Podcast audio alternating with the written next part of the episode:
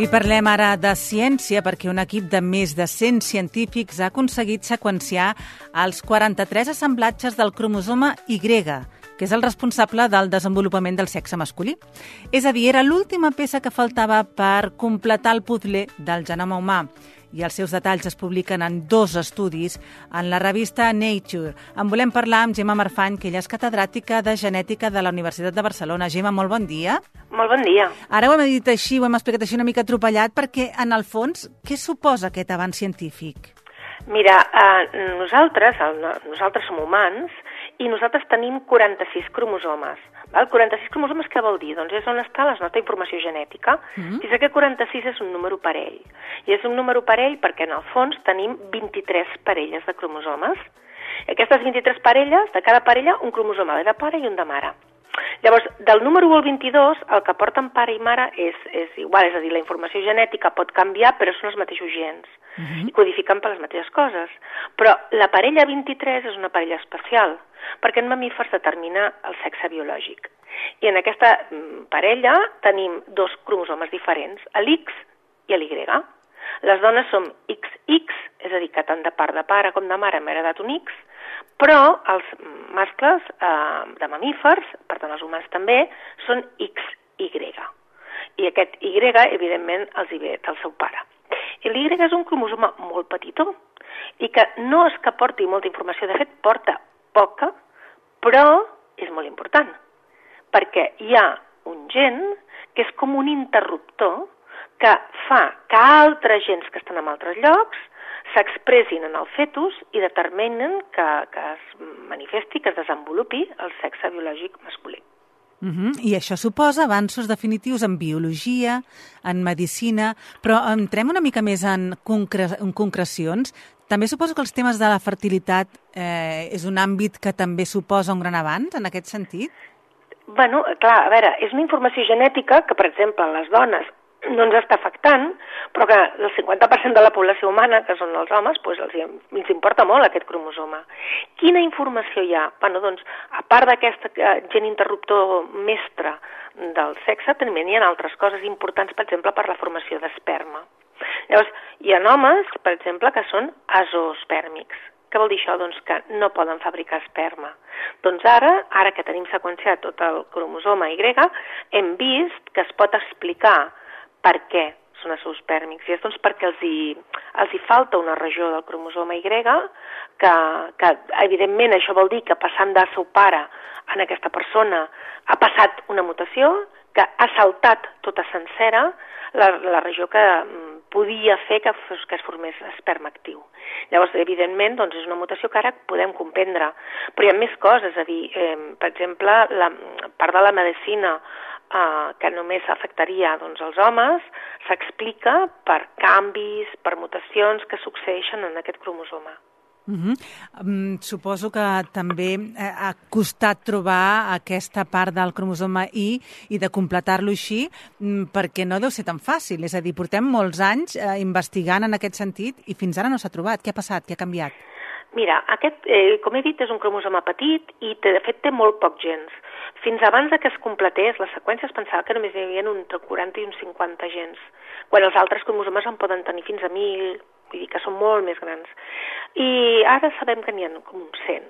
Però la, la qüestió és, i per què hem tardat tant? Uh mhm. -huh. Bueno, perquè tu imagina't que el genoma humà sempre parlem del mapa del genoma humà, no?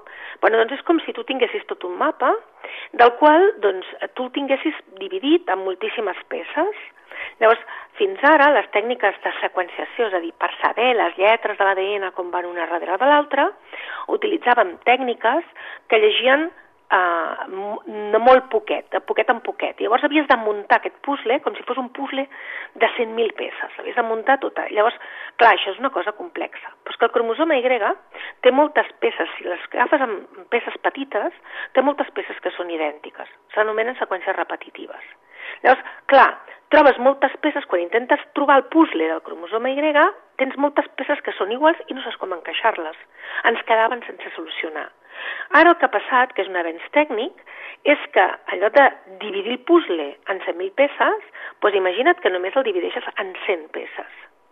El puzzle és molt més fàcil de fer, perquè aquelles peces petites que tu no sabies on col·locar ara estan dintre una peça gran, que la peça gran, encaixar-la en una altra és molt més fàcil perquè el dibuix que has de muntar, no? que en aquest cas és la seqüència, doncs no et porta error. No? Imagina't tu, quan tu estàs amb, el de, amb qualsevol criatura fent un puzzle amb poques peces, de seguida el soluciones. Sí. Quan té moltes, costa molt. Per tant, ara tenim una peça més completa, però el mapa s'ha completat? Sí, el mapa del cromosoma Y ara en principi està de punta a punta. Uh -huh. um, això és un dels articles. Com tu molt bé has dit, han sortit dos. Per què han sortit dos? Doncs un és com el que seria com de referència, el cromosoma Y de referència, però ara tu et pots preguntar, bueno, però tots els homes del món tenen el mateix cromosoma Y? I clar, hi han canvis, perquè evidentment evoluciona. Llavors el que han fet ha sigut agafar 43 cromosomes de 43 poblacions diferents, o sigui, persones, homes, molt, molt, molt diversos, evolu és que evolutivament estem parlant de 180.000 anys.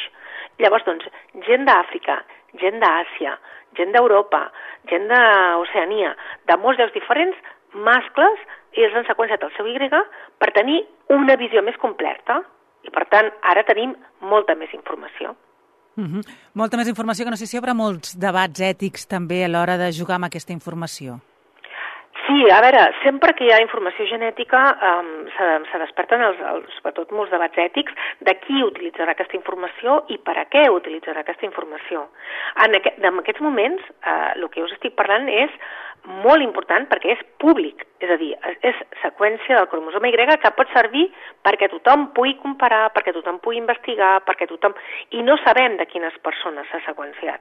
Però clar, si tu vas i ara demanes una anàlisi del teu cromosoma Y, i és només teu, clar que sabran només la teva informació. Llavors això s'haurà de protegir amb drets doncs, de protecció de dades, de privacitat, de confidencialitat, com amb tot el genoma humà, eh? no només amb l'Y.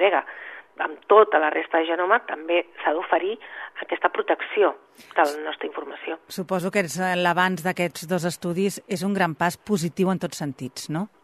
Bé, eh, imagina't tu que tu tens doncs, mapa de tota Europa i et faltava el d'un país, el tenies a mitges i ara el tens, doncs ara el tens complet. Per tant, d'alguna manera e, era un pas que era necessari perquè dèiem, tenim tot el, el genoma humà. Bueno, sí, tenim tots, però hi ha un cromosoma que és l'Y que està una mica xungo. Tenim només la meitat i a més el tenim a peces. Bueno, doncs ara el tenim complet.